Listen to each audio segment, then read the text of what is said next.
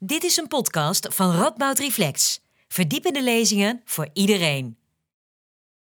Goedenavond, dames en heren. Uh, welkom deze avond van Radboud Reflex. Uh, mijn naam is Jeroen Linsen. En ik ben werkzaam aan de Radboud Universiteit als politiek filosoof. Maar vanavond ben ik de moderator en uh, leid het programma in onder de spannende titel Apocalypsofie over gevaarlijke groene fantasieën. We gaan vanavond een beetje apocalyptisch denken. Wat wil dat zeggen? Nadenken over een nakend einde van de wereld. Maar niet zoals de christenheid dat op gezette tijden in onze geschiedenis heeft gedaan. In het licht zeg maar, van het laatste oordeel. Nee, de gedachte van de eindtijd die komt vandaag op vanwege de ecologische crisis. Want als we deze crisis echt serieus nemen, dan lijkt het wel dat we moeten toegeven dat het einde nabij is. Toch willen velen dat nog niet onder ogen zien. Die geloven nog in gevaarlijke groene fantasieën onder de noemer van verduurzaamheid, van de verduurzaming van de economie of groene groei, denken zij de zaak nog te kunnen keren. Wel nu, dit alles roept spannende vragen op. Is de apocalyps werkelijk aanstaande? Of is dat doemdenkerij? Is het ontkennen van de apocalyps naïef? Maar is er dan nog plek voor hoop, verwachting van iets nieuws? Zijn dromen, fantasieën over groene, in, groene uh, groei echt gevaarlijk? Of moeten we juist dromen en fantaseren? Moeten we juist verbeelden? Waarom zou je nog actie voeren als het toch naar de Filistijnen gaat, om nog maar eens een Bijbelse uitdrukking te noemen? We kunnen het toch ook gewoon laten lopen? Hoe moeten we ons verhouden? Hoe moeten we ons verhouden? En dan echt op een diepzinnige manier. Niet nou in een oplossingje hier of een oplossingje daar. Nee, hoe moeten we ons verhouden tot die ecologische crisis? Welke houding is reëel? Ik denk dat dat het thema van de avond is, maar we zullen zien, want ik ben slechts de moderator. En we doen het met drie gasten. Ten eerste Lisa Douland, de schrijfster van het boek Apocalypsofie. Zij zal dadelijk hier achter dit spreekgestoelte de aftrap geven. Lisa is filosoof. Ze werkte aan de Radboud Universiteit. Momenteel werkt ze aan de universiteit, of onderzoek naar de thematiek van het afval. En zij zal spreken naar aanleiding van haar boek. Ik heb gezegd naar aanleiding van haar boek. Ze gaat niet over haar boek spreken, maar naar aanleiding van. En de tweede gast van vanavond, dat is, je kunt het zien, theoloog Marieke van den Berg. Zal ze dadelijk nog even voorstellen als ze hier straks zitten. Marieke is uh, theoloog, zit aan de Radboud Universiteit, maar is ook verbonden aan de Vrije Universiteit in Amsterdam. En hier in Nijmegen heeft ze de leeropdracht die, als ik me niet vergis, ooit uh, van Tine Halkes was. En ik heb nog ooit bij Tine Halkes les gehad, dus het is best leuk. de leeropdracht Feminisme en Christendom. Um, Marieke zal uh, waarschijnlijk iets minder vanuit haar uh, expertise spreken in de zin van uh, expertise op het gebied van gender en seksualiteit binnen het christendom, maar waarschijnlijk een speciaal aandachtspunt die hoop. Is die er nog? En wat is dat eigenlijk? En ten derde hebben we filosoof Boris van Meurs. Boris is filosoof aan de Radboud Universiteit en zijn onderzoek staat in het teken van de invloed die menselijk handelen überhaupt op de aarde heeft. En een kernvraag bij hem is om de mens te begrijpen als een belangrijke geologische kracht. En Boris is speciaal thuis op het gebied van verbeelding, literatuur met betrekking tot de ecologische crisis. Dus dat kan uh, die zaak nog eens versterken. Het programma van vanavond is eigenlijk uitermate eenvoudig. Dadelijk begint Lisa met een korte voordracht. Daarna uh, nodig ik uh, de andere twee sprekers en Lisa uit, of, uh, uit hier te zitten. En we gaan een kort, onder mijn leiding kort gesprek voeren. En er komt een moment dat ik ook de zaal erbij betrek. En dat u iets actiever dan slechts te luisteren kunt deelnemen ook aan het gesprek. Lisa, mag ik jou uitnodigen nu achter het spreekstoel te komen? Bedankt Jeroen. Ik heb, echt, um, ik heb er enorm veel zin in. Uh, dit is de zaal waar ik ooit mijn tijd als programmamaker begon. Alweer tien jaar geleden. Ik herinner mij een avond over uh, een film rond, ja, over Lucia de B. Nou, doet er allemaal niet toe. Maar toen stond ik hier voor het eerst, eerst zo voor deze zaal. En nu sta ik er weer met een eigen lezing. En dat vind ik erg leuk. Um, ik heb hem... Um, ik heb dus niet een uitgeschreven lezing gedaan. Ik dacht, we gaan het gewoon wat uh, losser doen. Ik zie ook vooral heel erg uit naar het gesprek. Maar ook om dat gesprek een bepaalde richting te geven en een bepaalde voeding, uh, leek het me wel goed om eerst uh, iets van 25 minuten dat te doen. en dat ga ik op de volgende manier doen. Ik wil iets vertellen over um, een ja, min of meer publiek debat waar ik deze zomer ook door mijn boek bij betrokken ben geraakt. Uh, hoe ik werd geframed als doomer in het NRC en daar dan weer op reageerde. Dus uh, uh, van daaruit wil ik al iets zeggen over hoe ik sta in dat hele debat over hoop en wanhoop. Moeten we nou hopen of moeten we wanhopen? Um, en daarna was er ook een filosoof in het Financieel Dagblad, Sebastiaan Valkenberg, die um, de, de, de minder optimistisch in deze aarde uh, verweet dat ze niet realistisch waren. En daar wil ik ook iets over zeggen. Ik denk namelijk dat als je wanhoopt um, en doemdenkt, misschien ook wel dat je, dat je een stuk realistischer bezig bent. Dus van daaruit wil ik iets zeggen over uh, optimisme, pessimisme en realisme. Uh, en die drie posities ga ik dan ook nog verbinden aan drie, aan drie figuren. Maar die drie figuren die laat, ik even, die laat ik nu even liggen, want anders wordt het misschien wat veel om mee te beginnen alvast. Even kijken, moet ik ergens naar wijzen, Anouta?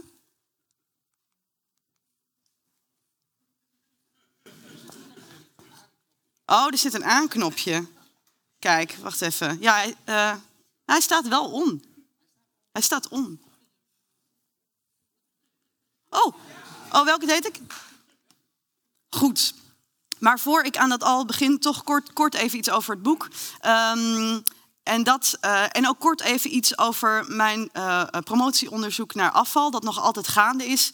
En ik wil even, uh, ook omdat de, de, de, een figuur die ik wil introduceren aan het eind van deze lezing, waarvan ik denk dat het een belangrijke figuur is om richting te geven in het tijdperk waarin we leven, misschien niet het antropoceen, maar het afvalsceen, um, is de voddenraper. en zodoende denk ik dat het belangrijk is om ook iets te zeggen over um, ja, het boek om, om, om over het afval waar mijn promotieonderzoek allemaal mee begon. Um, en dat was dit kunstwerk. Uh, dat heb ik niet voor niets op het omslag uh, ook van dit boek gezet. Uh, het is een kunstwerk van een Vlaamse um, kunstenaar, Maarten van den Einde.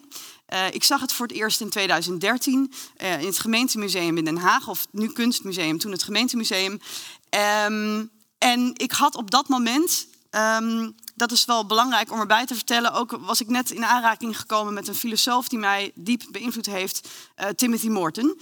Daar had ik net wat dingen van gelezen. En uh, er was één begrip van hem dat enorm bij mij was blijven hangen. Namelijk het begrip van de, van de ontologische zwanenhals. Uh, we hebben allemaal zwanenhals op onze wc's, in onze huizen. en daar verdwijnt van alles door. En Timothy Morton die uh, onderzoekt uh, in veel van zijn werk uh, en ook een artikel wat ik toen gelezen heb, wat het betekent om te leven, um, wat een waar ecologisch bewustzijn eigenlijk betekent. Um, en iets waar we steeds nadrukkelijker mee geconfronteerd worden in onze tijd.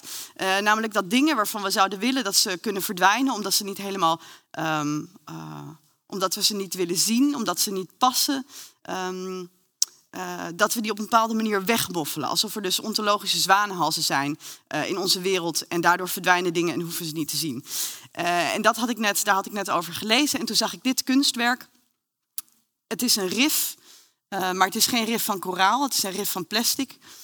En Maarten van den Einde heeft dit uit de, ja, uit de verschillende samen, samenklonteringen van, van, van plastic in de oceanen. Dat zijn er vijf, de vijf plastic gyres. Ik weet eigenlijk niet zo goed hoe ik dat in Nederlands moet noemen. Een gyre. Nou ja, anyone. Um, maar daar heeft hij het uitgehaald en daar heeft hij een kunstwerk van gemaakt. Uh, en de manier waarop dit kunstwerk bij mij binnenkwam was als, uh, alsof hij inderdaad wilde laten zien, die ontologische zwanenhalsen, die bestaan helemaal niet. Al die onwelgevallige dingen, um, uh, die, die, die, die zwerven nog ergens rond. En hij geeft ze weer aan ons, uh, hij geeft ze weer aan ons terug. Dus afval is nooit weg. Er is niet zoiets als een, als een weg, als een away, zoals Morten dat noemt. Uh, het keert altijd terug, het bespookt ons. Dus dat betekent het. en het is heel belangrijk, stelt Morten, en dat onderzoek ik ook in mijn proefschrift, om dus niet alleen te onderzoeken hoe wij dingen wegmaken, hoe wij zijn gaan denken in termen van verdwijnbaarheid, van wegwerpbaarheid, uh, van het idee dat, uh, dat dingen kunnen verdwijnen, maar vooral ook dat we een soort bewustzijn ontwikkelen voor hoe ze op de vreemdste manieren terugkeren. Als een soort, uh, om het in Freudiaanse termen te zeggen, een soort, ja, een soort terugkeer vanuit het onbewuste. In het Engelse return of the repressed. Ik zou dan ook zeggen dat we niet zozeer leven in het antropoceen. Misschien komen we daar straks nog over te spreken, Boris. Um, want het antropoceen is natuurlijk een diep, uh, een, een, enorm geologische, een echt geologisch tijdperk. Al is er al inmiddels 15 jaar denk ik debat over. Leven we nou in het antropoceen? Volgens geologen, die moeten dan een keer dat vaststellen uh, of niet.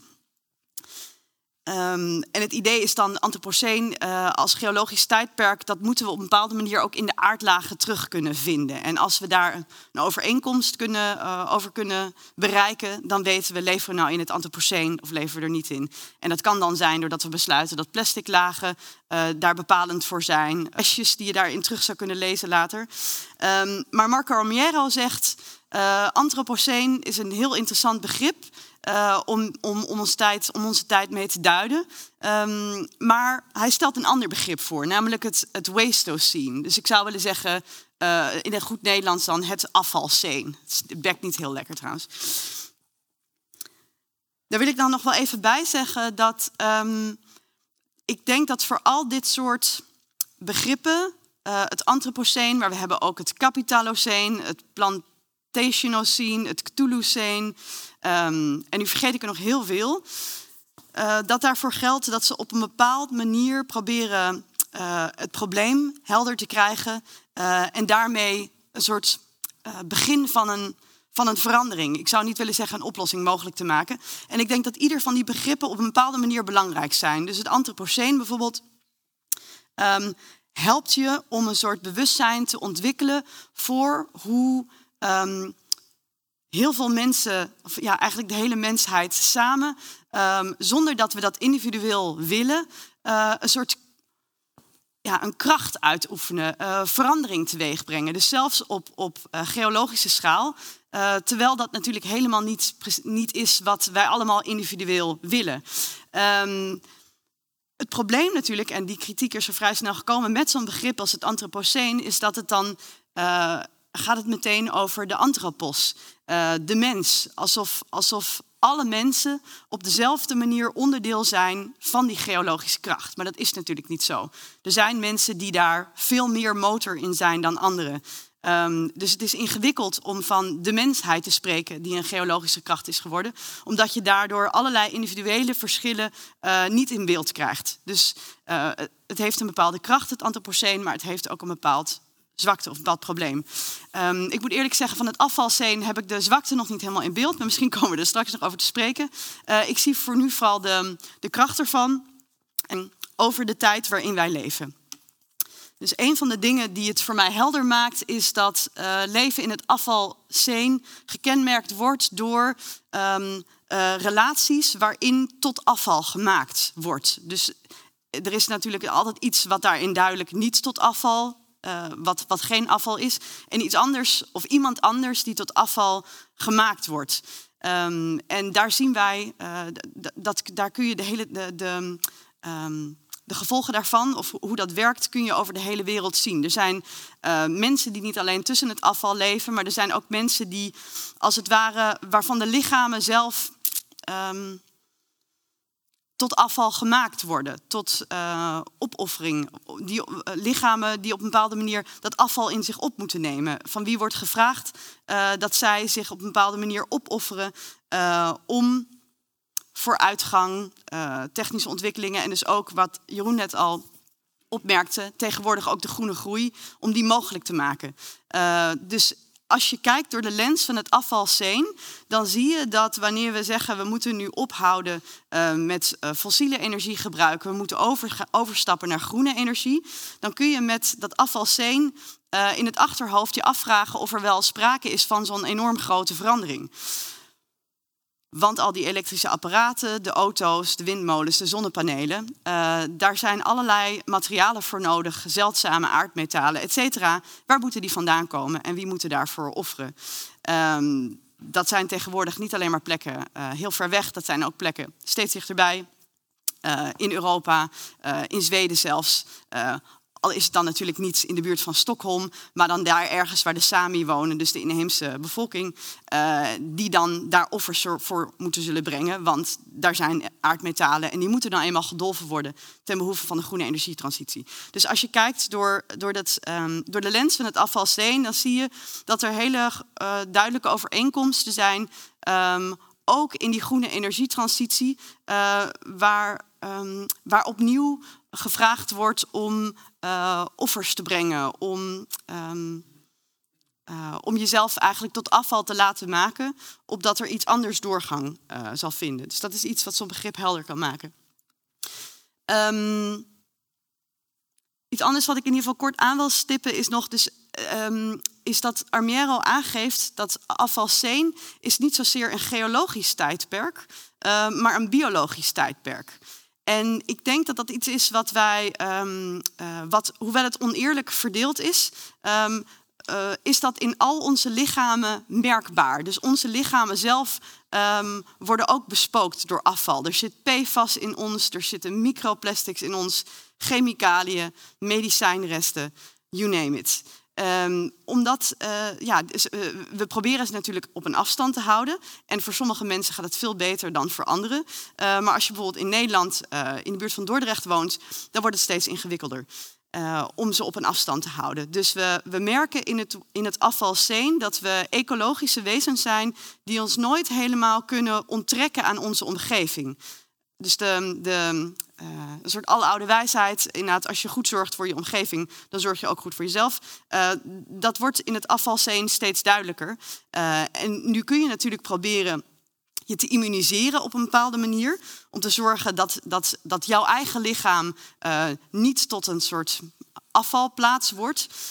en dat lukt bepaalde mensen natuurlijk ook, om, om als het ware allerlei uh, grenzen op te werpen. Um, maar het kenmerk van het afvalscene is dat, uh, dat, uiteindelijk, dat uiteindelijk iedereen er op een bepaalde manier eh, niet onderuit kan. We worden allemaal bespookt door het afval.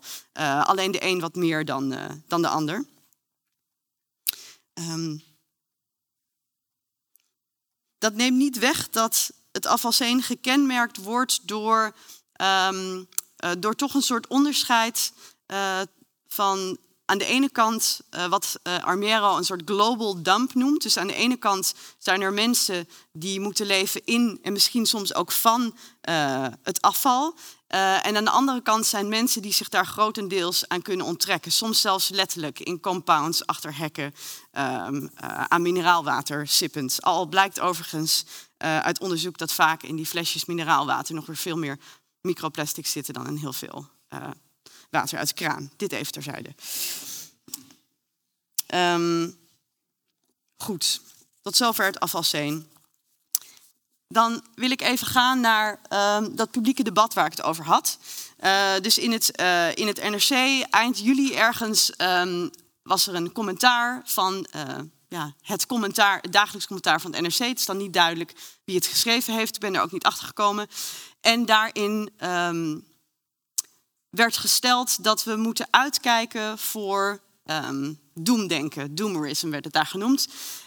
Um, en ik werd daarin genoemd en dat vond ik wel interessant, want daarin werd geschreven: er is geen ontkomen meer aan, we zullen moeten leren uitsterven volgens haar. En dat ging dan over mij. Uh, en toen dacht ik: kijk, maar dit is interessant.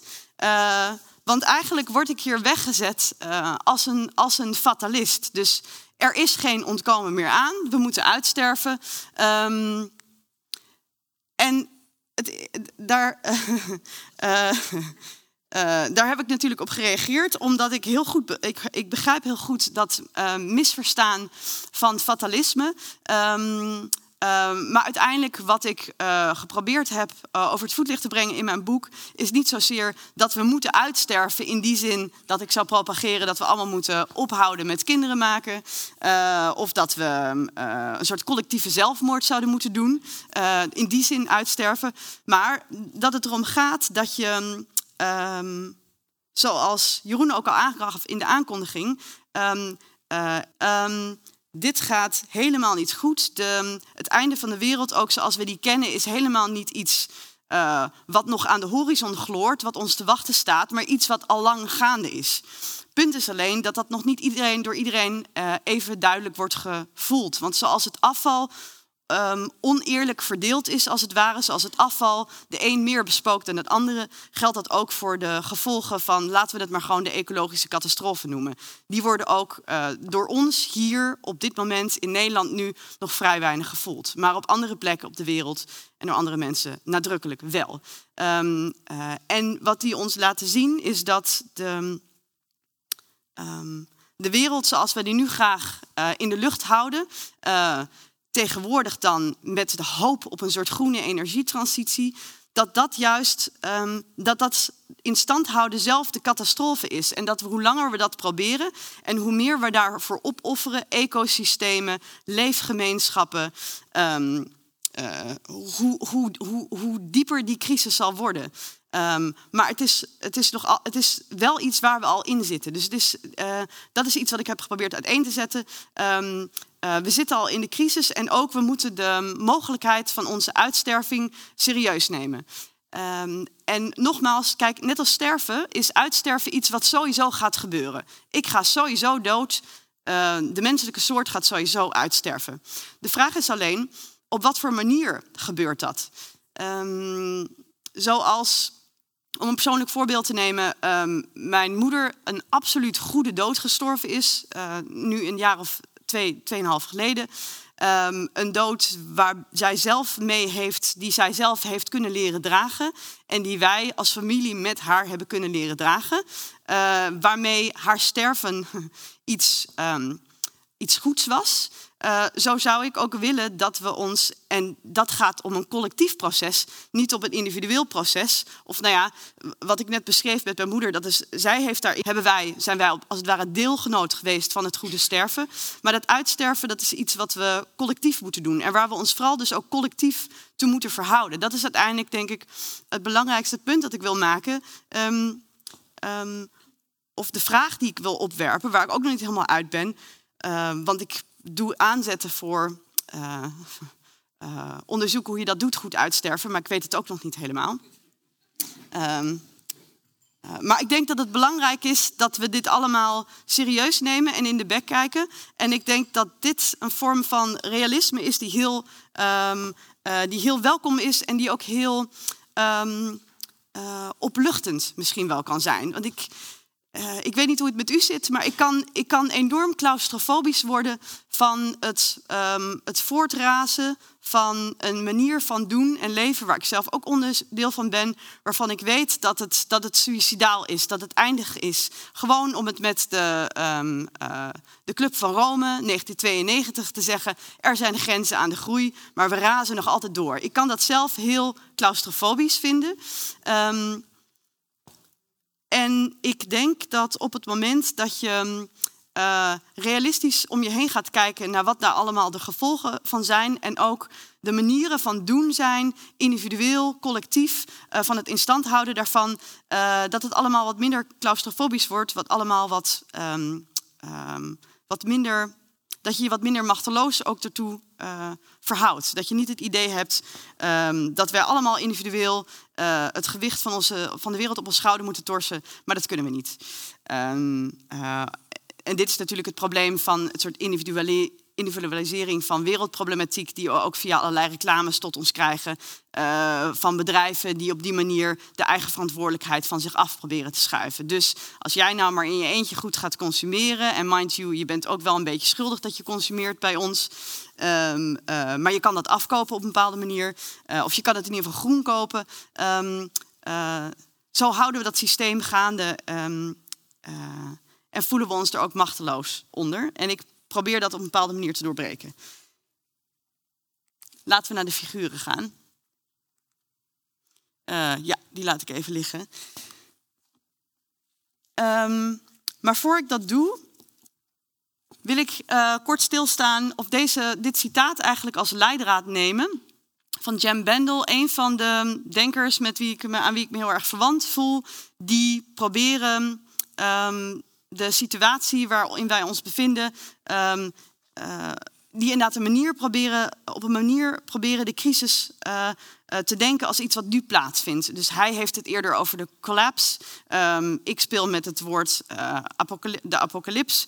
Um, maar wat we uiteindelijk proberen is hetzelfde te doen. Dus wat gebeurt er als je die situatie niet schetst als iets wat ons te wachten staat, maar als iets waar je al middenin zit? Uh, als iets waar je op een bepaalde manier onderdeel van bent, maar niet machteloos. Um, en hij, uh, hij heeft over een. Um, uh, dus hij schreef ergens in, in my recent talk to a cultural festival in Amsterdam, I cited the Buddha saying that there are three kinds of people in the world. There's one that is hopeful, another who is hopeless, and another who has done away with hope, to instead focus on being fully attentive, kind, and wise in the present situation. Wat ik hierin lees, en ik wil, deze, wil dit koppelen aan die drie, uh, die drie figuren die ik uh, ga introduceren, de tovenaar, uh, de profeet en de voddenraper, um, is dat het gekoppeld is aan die drie posities die gaan over optimisme, pessimisme en realisme. Um, en zoals ook Bendel voorstelt, is het niet zozeer dus belangrijk om je vast te klampen aan optimisme of je over te geven aan pessimisme, uh, maar een ingang te vinden tot ja, een vorm van realisme uh, en daarbij aanwezig kunnen zijn. Goed. De figuren. Er waren er al twee. in ieder geval die zijn geïntroduceerd door een historicus, Charles Mann, die naar het, ehm, het debat rondom ik noem het toch het liefst de ecologische catastrofe, maar het milieudebat noemt hij, denk ik, uh, die daar een belangrijke rol in hebben gespeeld. En hij onderscheidt eigenlijk twee figuren, twee posities. En dat noemt hij uh, de tovenaar en de profeet. En hij beschrijft, uh, hij beschrijft die posities. En wat ik merkte toen ik mij uh, ging voorbereiden, hierin ging inlezen, omdat ik met iemand in gesprek ging die ook vanuit deze twee posities uh, vertrok, was dat ik me in geen van beide helemaal kon herkennen. en dus uiteindelijk heb ik er een derde aan, aan toegevoegd. Um, maar om, te, ja, om je uit te leggen waarom die derde volgens mij mogelijk is, moeten we dan eerst even naar deze twee figuren gaan. En zal ik die proberen wat meer uit te leggen. Waar gaan ze nou over? Um, deze sla ik heel even over, want anders wordt het te lang. Um, goed, de ene figuur, dat is de tovenaar. Dat zijn, um, uh, dat, dat zijn de, de, de techno-optimisten. Dat zijn de mensen die zeggen we moeten gewoon nog harder gaan, uh, ook met de groene energietransitie. Uh, de mens is hartstikke vindingrijk. Er komen gewoon allemaal oplossingen. Het loopt nu nog misschien niet heel erg lekker met die carbon capture en storage, maar dat komt nog wel. Uh, look ahead. We moeten vooral vooruit blijven gaan. Dat is het belangrijkste. Profeet is een heel ander type. Het profeet uh, is, ja, is toch meer een, uh, een pessimist. Um, ik denk dat de beste belichaming hiervan, dus je kan hem ook, ik heb inderdaad, ik dacht eco-modernist, eco-catastrofist. Uh, de, de profeet, dat is een figuur die, um, die wil waarschuwen. Die wil zeggen, kijk uit, er zijn grenzen aan de groei. Dus eigenlijk de belichaming van deze positie van de profeet, uh, dat waren ook de opstellers van het rapport van de Club van Rome in 1972. Die overigens al waarschuwde, um, letterlijk en expliciet voor de techno-optimisten. Dus heel even kort over, over dit uh, rapport. Daarin worden, uh, als ik het me goed herinner, twaalf scenario's uitgewerkt um, van hoe, hoe het in de toekomst zou kunnen lopen um, als bepaalde ontwikkelingen de ene kant of de andere kant op gaan. Dus stel, um, uh, we zetten enorm in op techniek, dus technische innovatie gaat fantastisch.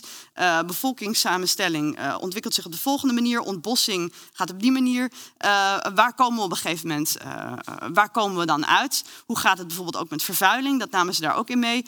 En eigenlijk in al hun scenario's kwamen ze op een gegeven moment um, op het moment dat er niet gecontroleerd werd en uh, vervuiling en bevolkingsomgang een beetje uh, in de perken werd gehouden, kwam er een moment van ineenstorting van het systeem. Dus dat waren die grenzen van de groei waar zij het over hadden.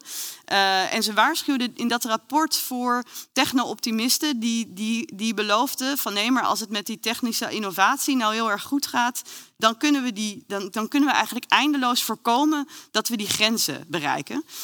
Um, en dus zij waarschuwden daar al voor, dat kan helemaal niet. Dus je kan, een hoop, je kan ver komen met technische innovatie, maar de absolute ontkoppeling um, van economische groei, van ecologische achteruitgang, die was gewoon in geen van hun modellen uh, uh, denkbaar.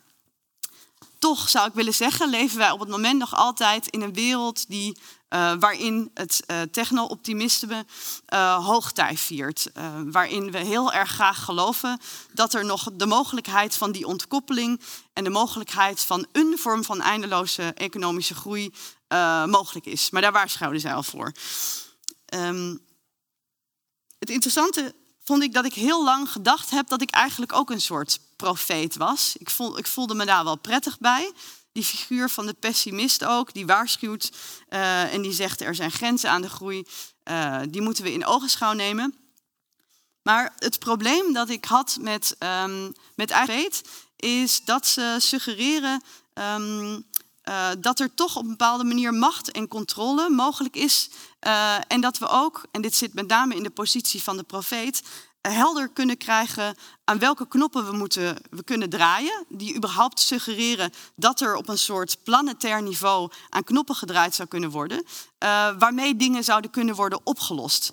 Uh, dus de techno-optimist zegt, we moeten gewoon harder gaan, het komt goed. Uh, met z'n allen. Oh, sorry. en de profeet zegt, doe het niet, ga langzamer. we moeten collectief tot een soort stilstand komen. we moeten collectief verlangzamen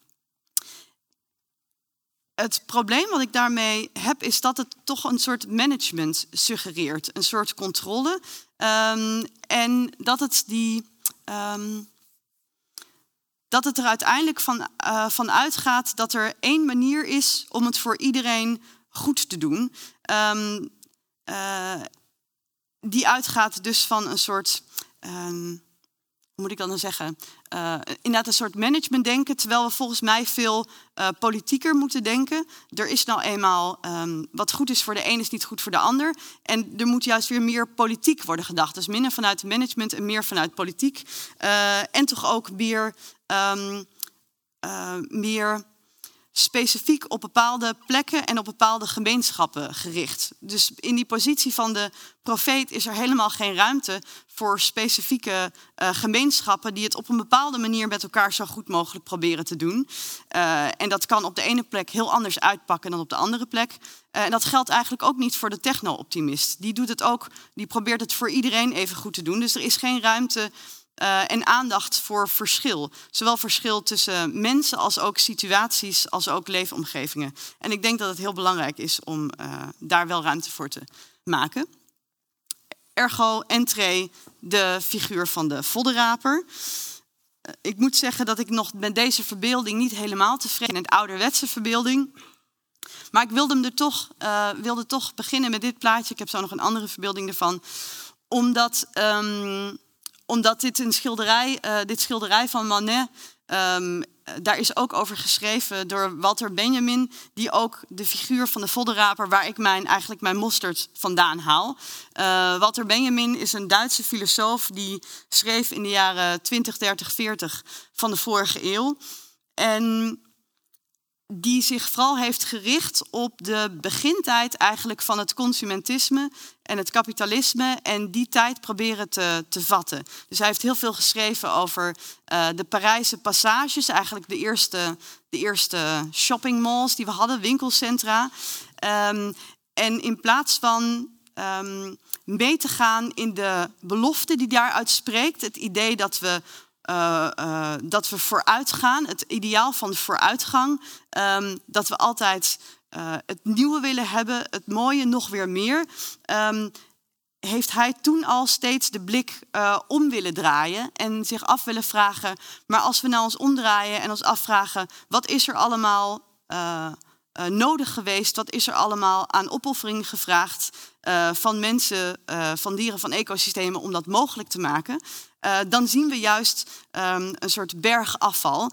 Uh, en dat is iets waar de voddenraper uh, ook oog voor heeft. Plus de voddenraper die, die doet het met wat er is. Dus zijn voddenraper die leefde ook tussen de restjes um, van die Parijse passages. Dus tussen de restjes van het consumptiekapitalisme zoals het toen functioneerde. en zo zou ik willen voorstellen, als we ons vandaag de dag willen voorstellen hoe we proberen een weg in deze crisis te vinden. Dus niet eruit, maar erin, in deze catastrofe. Uh, dan moeten we ons als het ware als een, uh, als een soort voddenrapers opstellen.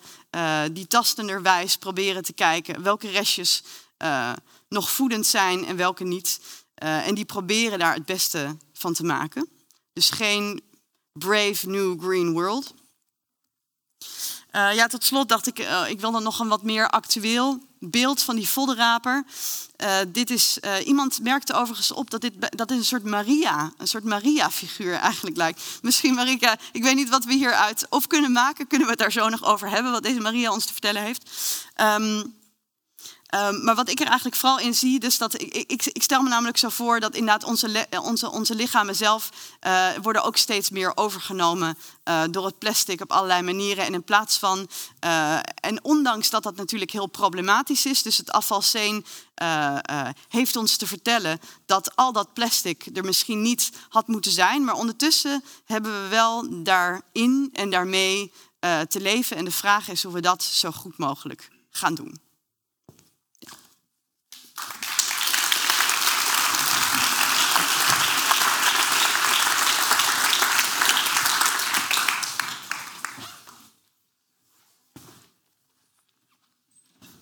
Dankjewel, uh, Lisa.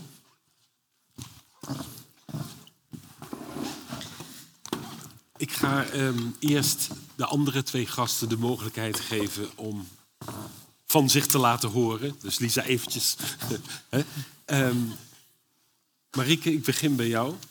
Um, het, het, het, verhaal van, van Lisa, en ze speelde daarmee natuurlijk door het feit dat ze in, de, in, dat debat verwikkeld raakte.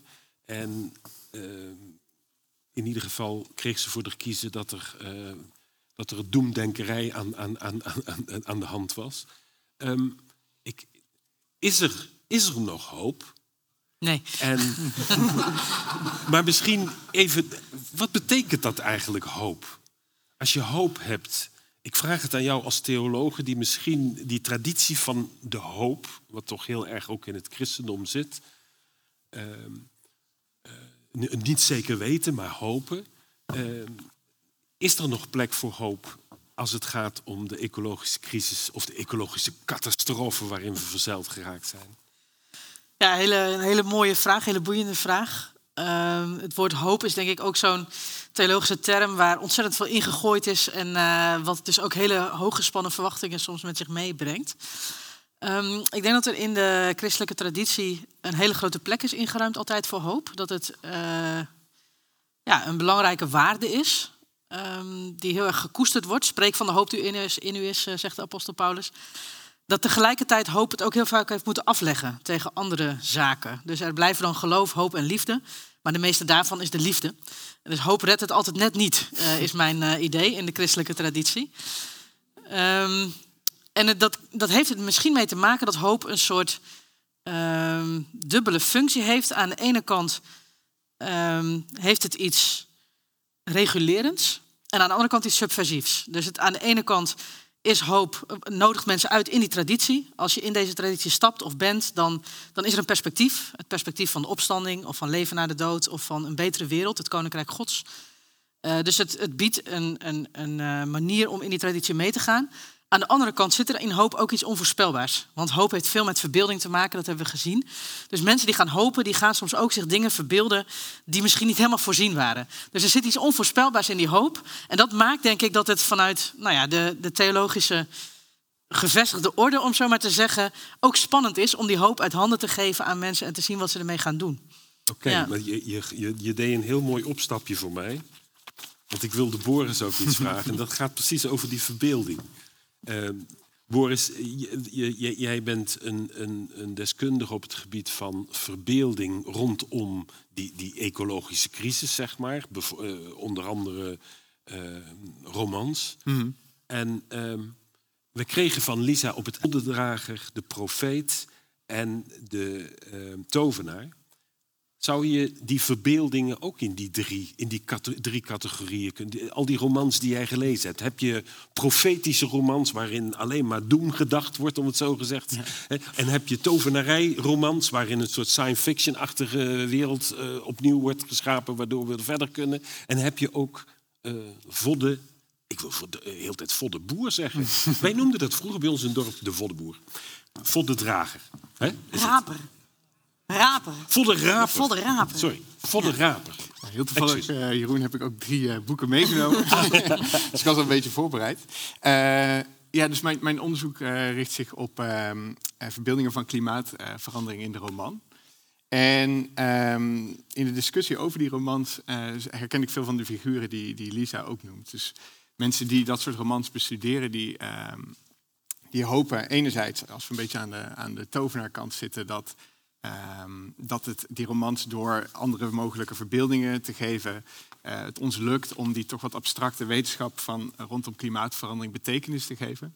Dus die, die auteurs die geloven dat het probleem rondom klimaatverandering is dat we maar niet handelen, omdat we ons als het ware niet goed kunnen voorstellen wat dit nou betekent. Omdat het over tijdschalen gaat die we moeilijk kunnen vatten, alhoewel het zo snel gaat dat we, dat we heel veel veranderingen ook gewoon kunnen zien gebeuren. Maar ook omdat klimaatverandering zoiets ongrijpbaars heeft, omdat het wat ik hier doe kan een heel indirect effect hebben aan de andere kant van de wereld.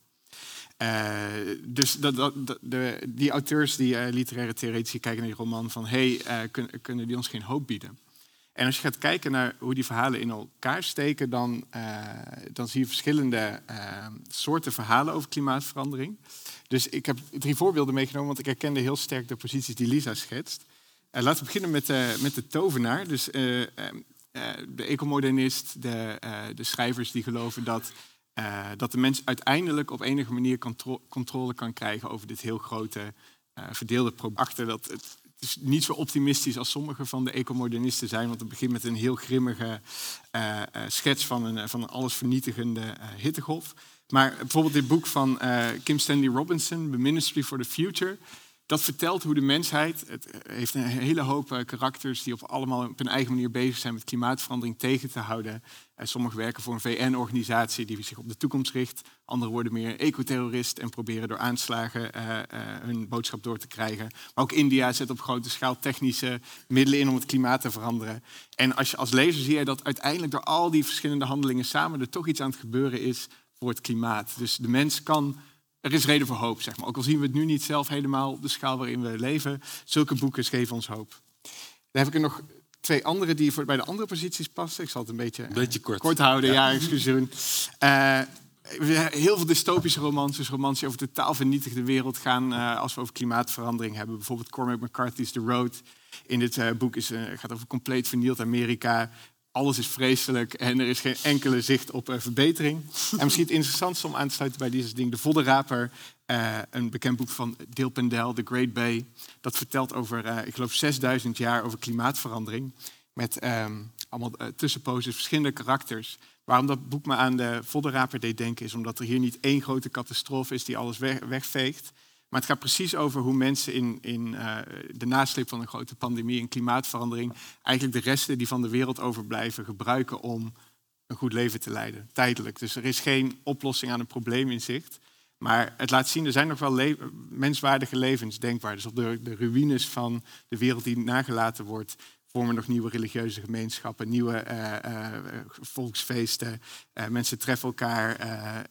dus daar is precies in die ruïnes van de samenleving nog hoop voor. Dus ik herkende heel veel in wat je zei in die drie categorieën. Hielp voor mij ook om op een andere manier naar de literatuur te kijken. Ja.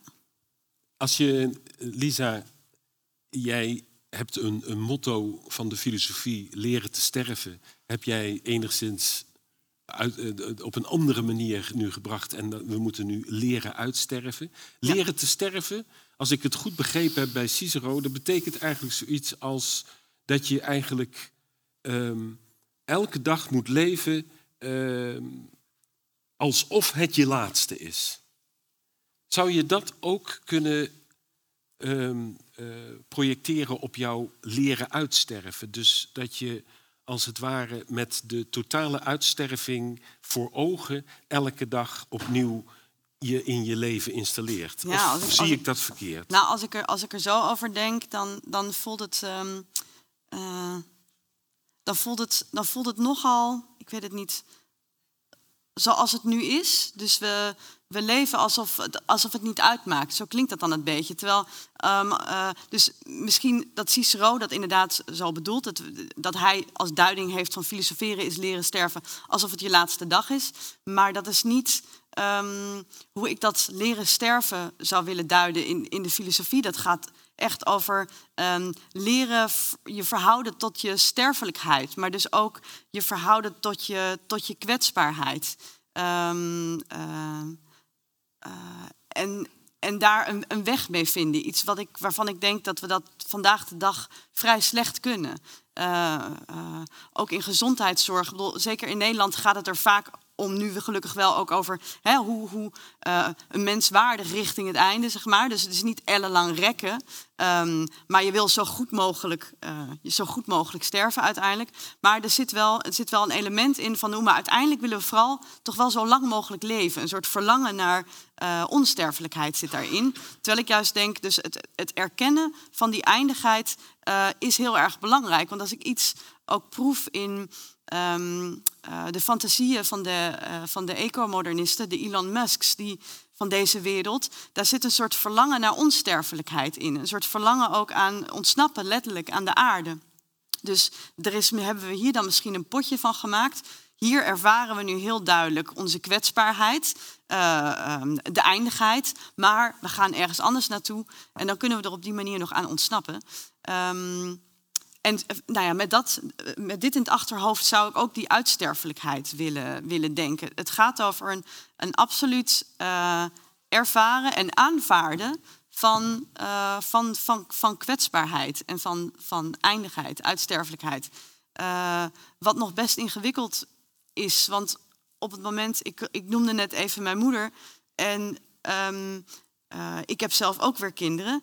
En op het moment dat zij sterft, had ik het gevoel gehad, er vaart ook iets van haar in mij. Dus zij geeft iets door, wat ik weer door kan geven aan mijn kinderen. En dat, dat leeft zo voort. Terwijl het probleem van de uitsterfelijkheid, is natuurlijk van de extinctie, is dat dat hele doorgeven ook stokt. Dus, dus ik, ik zei net al, ik, ik blijf het heel moeilijk vinden om dat eh, te denken. Hoewel ik wel denk dat we het heel serieus moeten proberen. Ons afvragen wat betekent uitsterfelijkheid. Want een van de dingen betekent dus eh, eh, beseffen dat op een gegeven moment dat hele voortleven, dat doorgeven, dat dat ophoudt. Eh, en dat is nogal. Dat is nogal wat. En het ingewikkelde is natuurlijk, maar misschien dat, eh, dat jij daar ook nog iets over kan zeggen. Je krijgt een soort ingewikkeldheid van schalen. Kijk, ik kan, ehm, eh, ik kan heel verstandelijk denken, ja, eh, uitsterven zouden we sowieso als soort. Eh, ehm, eh, uiteindelijk sowieso de zon gaat ook de aarde opslokken. We krijgen de hittedood van het universum, dus wat maakt het allemaal uit? Maar dan heb ik het gevoel dat ik naar een, een, een andere schaal ga, die, die er niet toe doet als ik probeer me te verhouden tot dat stokken van het doorgeven. Maar ja, ik ben heel benieuwd hoe jij hier naar kijkt, ook vanuit de, de klimaatfictie en zo. Ja, ik heb geen eh, oplossing op hoe die twee moeten samenbrengen. Maar dat is eigenlijk ook het probleem vanuit waar ik vertrek. Dat ehm, wat, wat we doen een betekenis geven aan ons handelen. Dat heel vaak, ik vond die, die metafoor van de eh, ontologische zwanehalsdarm ook goed. Dat we van alles eh, niet willen zien of, of soort weg, wegduwen. Heel concreet voorbeeld, dat ook aansluit bij jouw voorbeeld, denk ik, is wanneer ik naar mijn, mijn oma op bezoek ga met de auto. Dat is moeilijk te komen met OV. Dan voelt het voor mezelf als een goede, goede daad. Even wat voor de familie doen. Ondertussen weet ik natuurlijk ook eh, dat de uitstoot die ik nee, veroorzaakt door de auto te nemen, eh, alles wat ik die dag eet en dergelijke, laat allemaal sporen naar die compleet buiten mijn betekenishorizon vallen. Ik, dat, ja, ik denk erover na omdat ik met dit probleem mee bezig ben, maar dat, dat zie je niet en dat krijgt eigenlijk geen plek in het verhaal wat je over die dag en uiteindelijk over jezelf vertelt. Terwijl op een grotere schaal, als je dan naar de mensheid kijkt, zijn precies dat soort sporen die opvallen. Dat we een hele planeet eh, de atmosferische samenstelling van de hele planeet hebben veranderd. En dat we overal plastic nalaten en dergelijke. Dus voor mijn gevoel zetten dat we die schalen niet kunnen samenbrengen, zet de schaal waarin we normaal over ons leven denken een beetje, ja, dat, het, het spookt er doorheen, zoals jij misschien zou zeggen. En maakt het moeilijk om daar helemaal in te vertrouwen. Dat het verhaal wat ik over mezelf vertrouw en de betekenis die ik aan de dingen en aan mijn handelingen geef, klopt dat nou? Of is dat een, iets wat ik me voorhoud om me goed te voelen en dat anderen niet te hoeven zien? Eh, dus misschien kan ik meer het probleem herkennen dan dat ik het, Ja. een oplossing weet. Want ook in die Ja. romans lukt het niet goed eigenlijk om die twee samen te brengen. Het lijkt vaak of het een of het ander. Toch lijkt het dan een beetje alsof. ehm, ik, ik, ik, ik wil jou helemaal niet die, de, de- dat doemdenken aanpraten. Maar het lijkt toch een klein beetje ook een beetje te zijn van ja. We kunnen eigenlijk niet meer zoveel er tegen doen. Wat we moeten doen is ons in die situatie gaan installeren op een of andere manier. Dus ons heel bewust zijn van het feit dat het eindig is, dat het afloopt. Ja. En nog niet over een tijdje. Nee, het is al gaande. Dat heb je ook in je verhaal net gezegd. Ja. Is dat, is, dat, is dat voor mensen te doen? Is dat, kan, kan een individu zo leven? Kan een, individu, omdat we het net over die twee, dat die verschillende grootte hebben. Ja, maar dat is Dus- misschien wel precies dat het voor een individu inderdaad heel eh, lastig is. Eh, en dit is denk ik een van de. eh, eh, een van de onderdelen van het probleem is natuurlijk dat individualisme.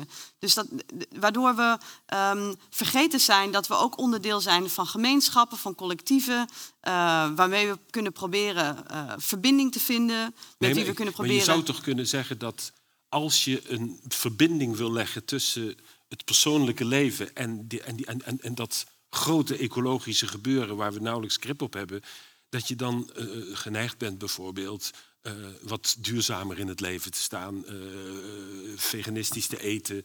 eh, wat las ik in je boek? Je hebt geen gebruik gemaakt van de. Sorry, je moet me vergeven, want ik, ik heb, heb er weinig verstand van. Van de pampers, zeg ik het dan goed? Nou, nou, uiteindelijk, ik, ik, ik, ik vind het Nee, wel... maar ik geef het maar als voorbeeld. Dat je zelf ook zeg maar, in je persoonlijke leven toch bezig was om, om, om duurzaam te zijn. Om, om rekening Nou, te houden maar met die, met die voetafdruk. Ik, ik, ehm, eh, ik heb, eh, en dat begin ik steeds helder te krijgen, en dat zit ook in de, dat voorbeeld van die pampers. Eh, ik probeer steeds mezelf allerlei begrenzingen op te leggen en te kijken wat er dan gebeurt en wat er daarbinnen mogelijk is. Dus kijk, je kan altijd, eh, pampers zijn comfort. Ehm, maar wat als je nou gewoon gaat proberen het anders te doen met die luiers. En je weet, eh, ik kan het niet helemaal goed doen, want die luiers moeten gewassen, daar moeten ook weer doekjes in. Eh, het, is, het is alle Jezus veel werk. Ehm, ehm, de viezigheid valt eigenlijk wel mee. Ehm, maar door, ik weet niet, door, door dus iedere keer te denken, ik ga het mezelf niet al te makkelijk maken, ik ga bepaalde grenzen opwerpen en dan daarbinnen een beetje aanklooien. Maar uiteindelijk kwamen wij er bijvoorbeeld achter dat ons kind eh, 's s'nachts niet doorsliep, omdat het dan hele natte billen had. Nou, toen zijn we toch echt wel overgestapt op s'nachts uh, Toch, eh, toch een pamper, maar dan overdag weer niet. Ja. Dus je, klo je klooit daarbinnen eh, een beetje aan. Maar je probeert niet een soort eh, ontsnappingsroute te ontwikkelen. Dus, dus, al die, dus eh, als ik, als ik de, de groene energietransitie van nu, hè, als ik die zou moeten. Het, is, het voelt als een soort ontsnappingsroute. Alsof je, eh, dus, je, dus je voelt aan, allerlei dingen zijn problematisch. eh, het kan niet, we moeten stoppen met fossiel, het warmt op. Maar we hebben hier een soort, ja, een soort escape route, a way out. Dus we kunnen, we kunnen vasthouden aan wat er is. We hoeven onszelf niet te begrenzen, we hoeven niet na te denken over begrenzingen. We kunnen gewoon door blijven gaan. Ehm, en eh, en dat, dat is heel gevaarlijk, want dan werk je jezelf alleen maar steeds dieper in de nesten. En in plaats daarvan, ja, alleen ik heb het inderdaad het antwoord ook niet helemaal.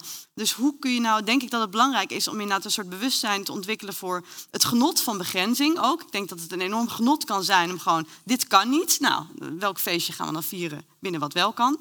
Ehm, Ehm, e- e- en het cultiveren van, van een soort eh, vervreemding, van dat we dingen normaal zijn gaan vinden. Ehm, eh, en, en een soort bewustzijn voor die ontologische zwanenhalsen. Waardoor al die shit als het nog, alsnog een beetje bij je terugkomt. Maar dan op zo'n manier dat jij je niet in je eentje schuldig gaat zitten voelen over dat je eh, de auto neemt. Maar dat er een soort bewustzijn ontstaat voor hoe kan het nou dat we collectief al die ontologische, die ontologische zwanenhalsen zijn gaan geloven. Eh, dus de prullenbak waarin dingen verdwijnen, de wc de- waardoor alles wegspoelt. ehm, eh, en, en, en wordt opgelost. Dus hoe, hoe haal je dat als het ware weer eh, een Want, beetje want naar je je zegt toe? in feite, we zijn een soort, een soort struisvogelpolitiek. Je gooit het weg en je denkt dat het echt helemaal opgelost is. Wat natuurlijk niet waar is, want het Ja. gaat steeds verder. Ja. En, en, en, en dat we die struisvogelpolitiek zouden moeten opgeven. Ja, Begrijp ik dat goed? ja. En dat is die voddenraper. Die voddenraper die eigenlijk ook op, op, op, die hele grote berg met vodden loopt...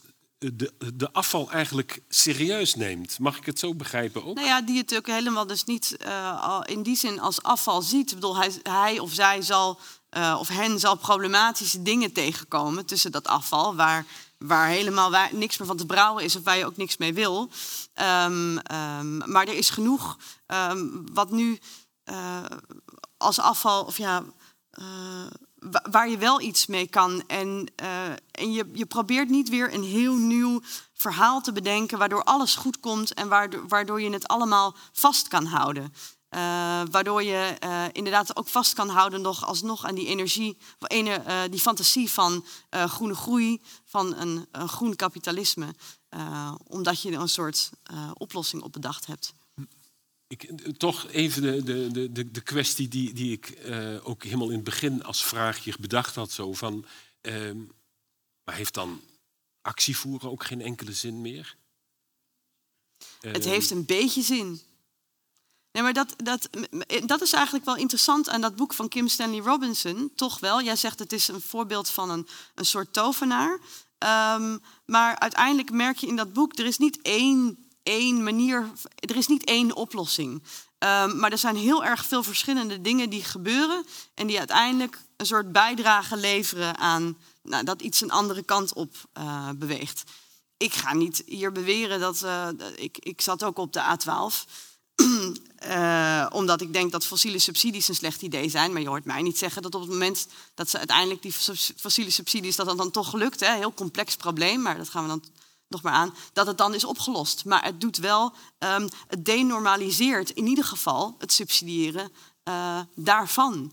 Ehm, dat wordt op een gegeven en op een gegeven moment denormaliseert het toch ook eh, fossiel. En, nou ja, en dat is denk ik een goed, eh, een goed begin. Gaat het dan het uiteindelijk om een, een, een soort, ehm, als ik het wat Sloterdijkiaans zeg, om een soort ethiek van het er nog zijn?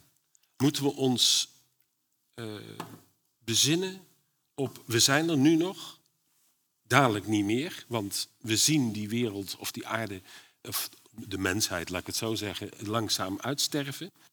Ehm, als je dat voor ogen hebt, of vind je dat te- ook weer te individualistisch? Is het toch dat we een soort gezamenlijke eh, positie zouden moeten innemen, gezamenlijke politiek zouden moeten zoeken om daarmee om te gaan? Eh, Ja, ja wat vind ik hier nou eigenlijk van? Ehm, nou, je hebt in je boek een paar keer dat je toch naar Derrida verwijst. ja, En Derrida heeft het op een gegeven moment over de ethiek van het goede eten. Ja. Dat, daar verwijs je naar. ja. En je zou ook nu een ethiek van het goede leven in het er nog zijn. In het er nog eventjes zijn. En vanuit dat, vanuit die... Want ik dacht dat je in je boek dat eigenlijk ook bedoelde. Je, je gebruikte ook... Hè, die, wat, wat Derrida eigenlijk bedoelt, als ik het goed begrepen heb... en je, je moet me maar eh, corrigeren als ik het verkeerd heb... De, die ethiek van het goede leven, van het goede eten, is dat je, dat je aandacht hebt voor je eten. Dat je eh, naar, kijkt wat de ingrediënten zijn. Nou ja, het dat gaat je, om aandacht voor je eten. Het gaat om inderdaad aandacht voor eh, met wie je aan tafel Ja, zit, het- met wie je zeker. eet. Ehm, eh, dat eten doe je nooit alleen. Dus opnieuw, dit is contra inderdaad een soort individualistische benadering. Maar het, probleem met het individualisme is ook dat je, dat je allerlei dingen probeert uit te bannen, niet te zien. Of het, het gaat er niet om. Het gaat alleen maar om de instandhouding van jou, van jouw comfort, van jouw leven, genot, et cetera. Terwijl dat goede eten gaat heel duidelijk over... dat goede eten is iets wat je samen doet.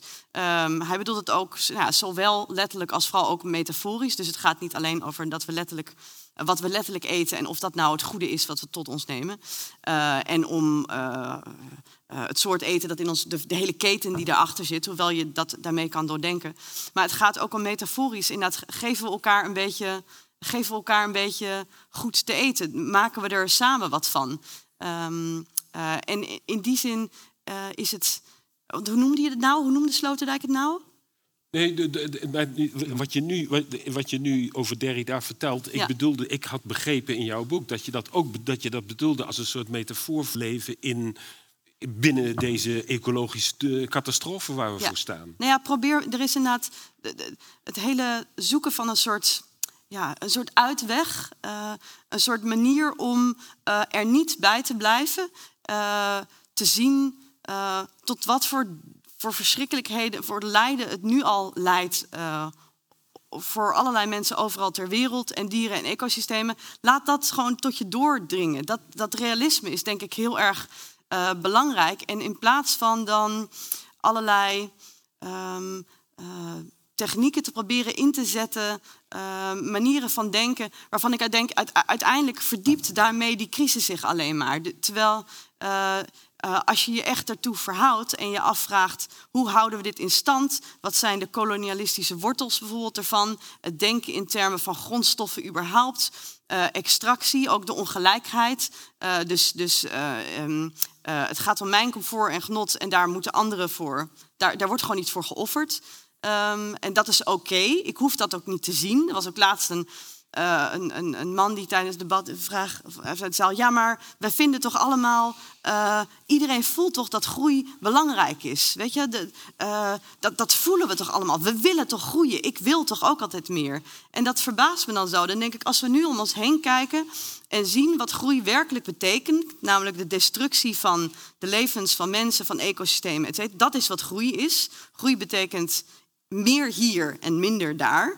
Eh, hoe kun je dat dan nog propageren? Hoe kun je dan nog eh, dat als een soort neutraal, eh, natuurlijk gegeven eh, verkopen? Dat, dat snap ik niet. Dus, nou ja. ehm, Ja, Ja, jij ik, ik ben eigenlijk benieuwd, eh, Lisa, ook toen ik je boek, eh, boek las. Veel van de dingen die je zegt doen me eigenlijk denken aan bijna een eh, transformatie van, eh, van religieuze proporties ook. Hè. Dus tegen het individu, tegen focus op het ego, tegen groeien, ogen openen voor eh, nou ja, de, de staat van, eh, van het leed om ons heen. Je citeerde ook een, een, eh, een citaat dat naar boeddhisme verwees. Wat Ja. natuurlijk ook een van de waarheden is dat leven is lijden. Dus de- we ontsnappen niet aan de cirkel van leed. Misschien we- weet Marieke hier ook nog iets over.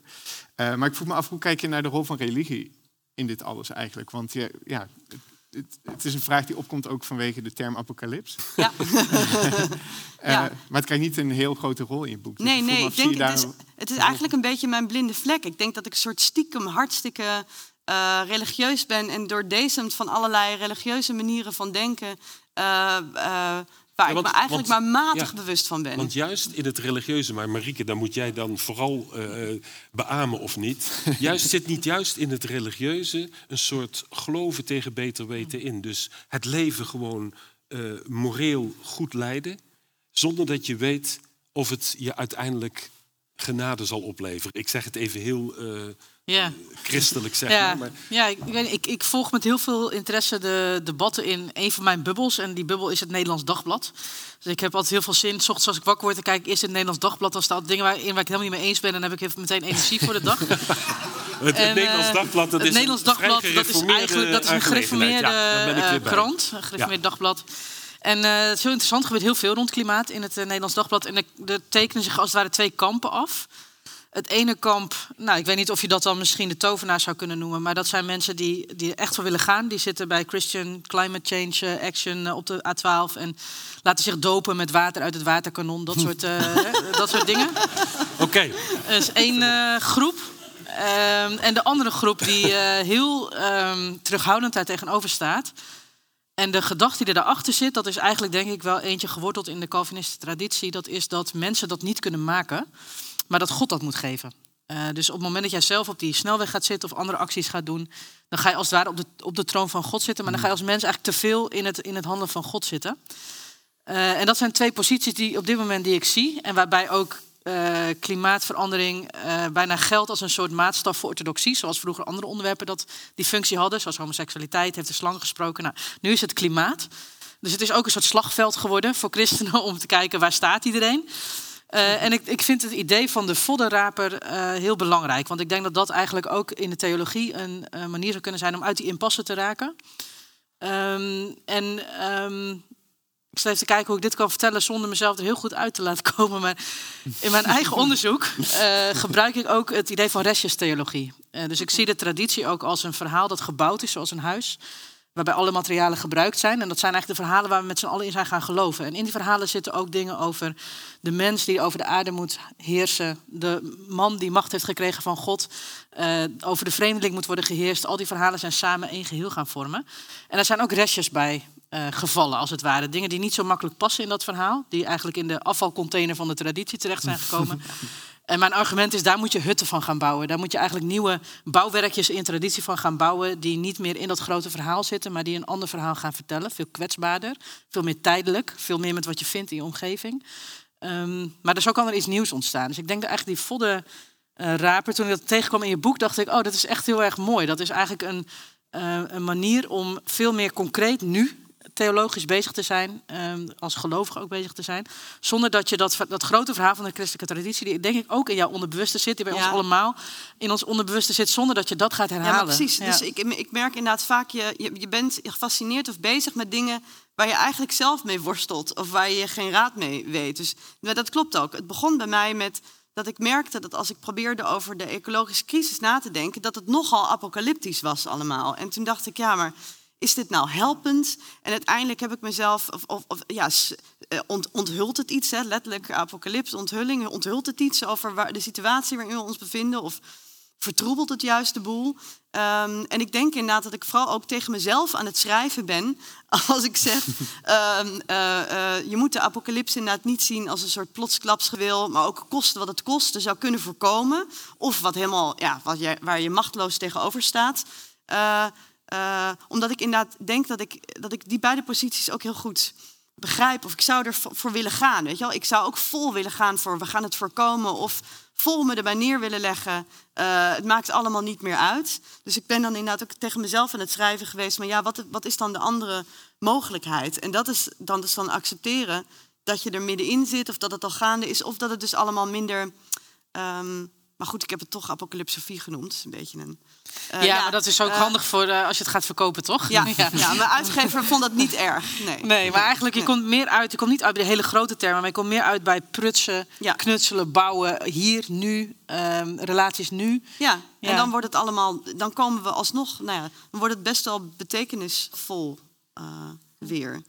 Um, maar zonder dat, dat die betekenis ontleend wordt aan één groot verhaal. Of aan een soort één Precies, grote verlossing, ja. de vooruitgang. En dat je denkt, oh, oh, daar kunnen we ons aan vastklampen. Want ik denk dat dat, dat uh, het, het, het, het ook zo beklemmend en claustrofobisch kan maken tegenwoordig. Omdat je op een gegeven moment voelt aan alles, het kraakt, het piept, dit kan helemaal niet. Dus je wil je er wel aan vastklampen, maar je gelooft zelf eigenlijk ook niet meer dat het kan. Uh, en dan los te kunnen laten en um, op een andere manier een weg daarin vinden en betekenis geven. Ja, dat vind Lisa, ik ook wel, uh, je wist dat ik ermee zou komen. Ik neem het toch even op voor de groene groei groeiers. Moeten we het niet juist hebben van die jonge start-ups, jonge ondernemers die duurzaamheid in hun hart hebben, die weten dat als we zo verder gaan, dat we naar de Filistijnen gaan.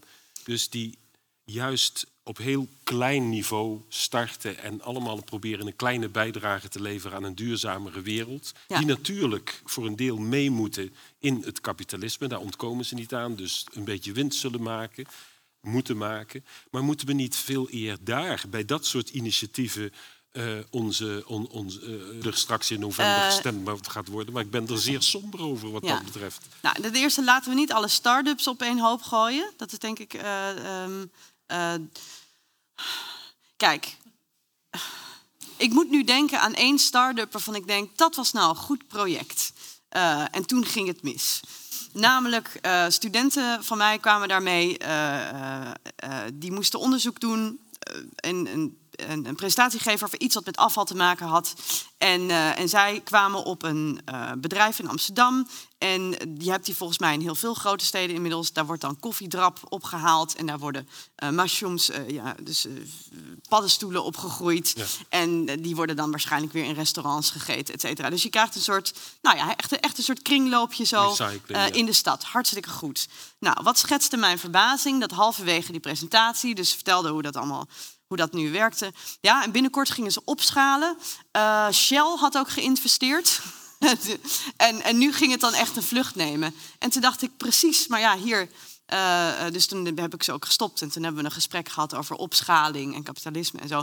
Maar dus vooral, waarom zou je überhaupt moeten, moeten opschalen? Dus waarom moet het dan altijd weer uh, groter? Ook omdat op het moment dat je het zo klein houdt, dan alle mensen die erbij betrokken zijn, die, hebben er, die, die worden erdoor gevoed, die hebben er baat bij. Terwijl op het moment dat je gaat opschalen met kapitaal erbij, um, dan gaat iemand het ruif eraf eten. Dat is namelijk hoe kapitalisme werkt. Dus, en het wordt op een gegeven moment abstract of je moet het ook je moet efficiënter, want er moet gewoon ergens geld uitgetrokken voor iemand anders, want dat is hoe het, hoe het werkt. Uh, dus dus ik, zie, ik zie vooral heel, ik heb heel veel hoop door uh, veel meer lokale initiatieven, uh, gemeenschappen, voedselbossen, mensen die, die een afstand hebben weten te creëren, ook uh, juist tot dat kapitalistische systeem. Doordat ze, uh, en dat moet je ook maar, dat, nou ja, dat moet je ook maar gelukt zijn, maar die, die bijvoorbeeld van weinig geld kunnen leven omdat ze niet zo afhankelijk zijn, omdat ze dingen verbouwen, weet ik veel.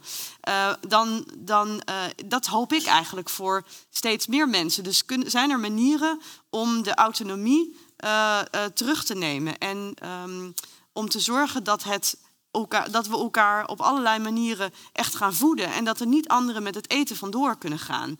Uh, want dat is wat er nu steeds uh, gebeurt. En ik zou zeggen, alle manieren om dat anderen met het eten er vandoor laten gaan, om dat te doorbreken. Uh, en dat kun je heel breed interpreteren. Er zijn ook heel veel oplossingen voor, verschillende, denk ik. Nou, dat lijkt mij belangrijk. Oké, okay, ja. helder. Dames en heren, we zijn aan het einde gekomen van deze avond.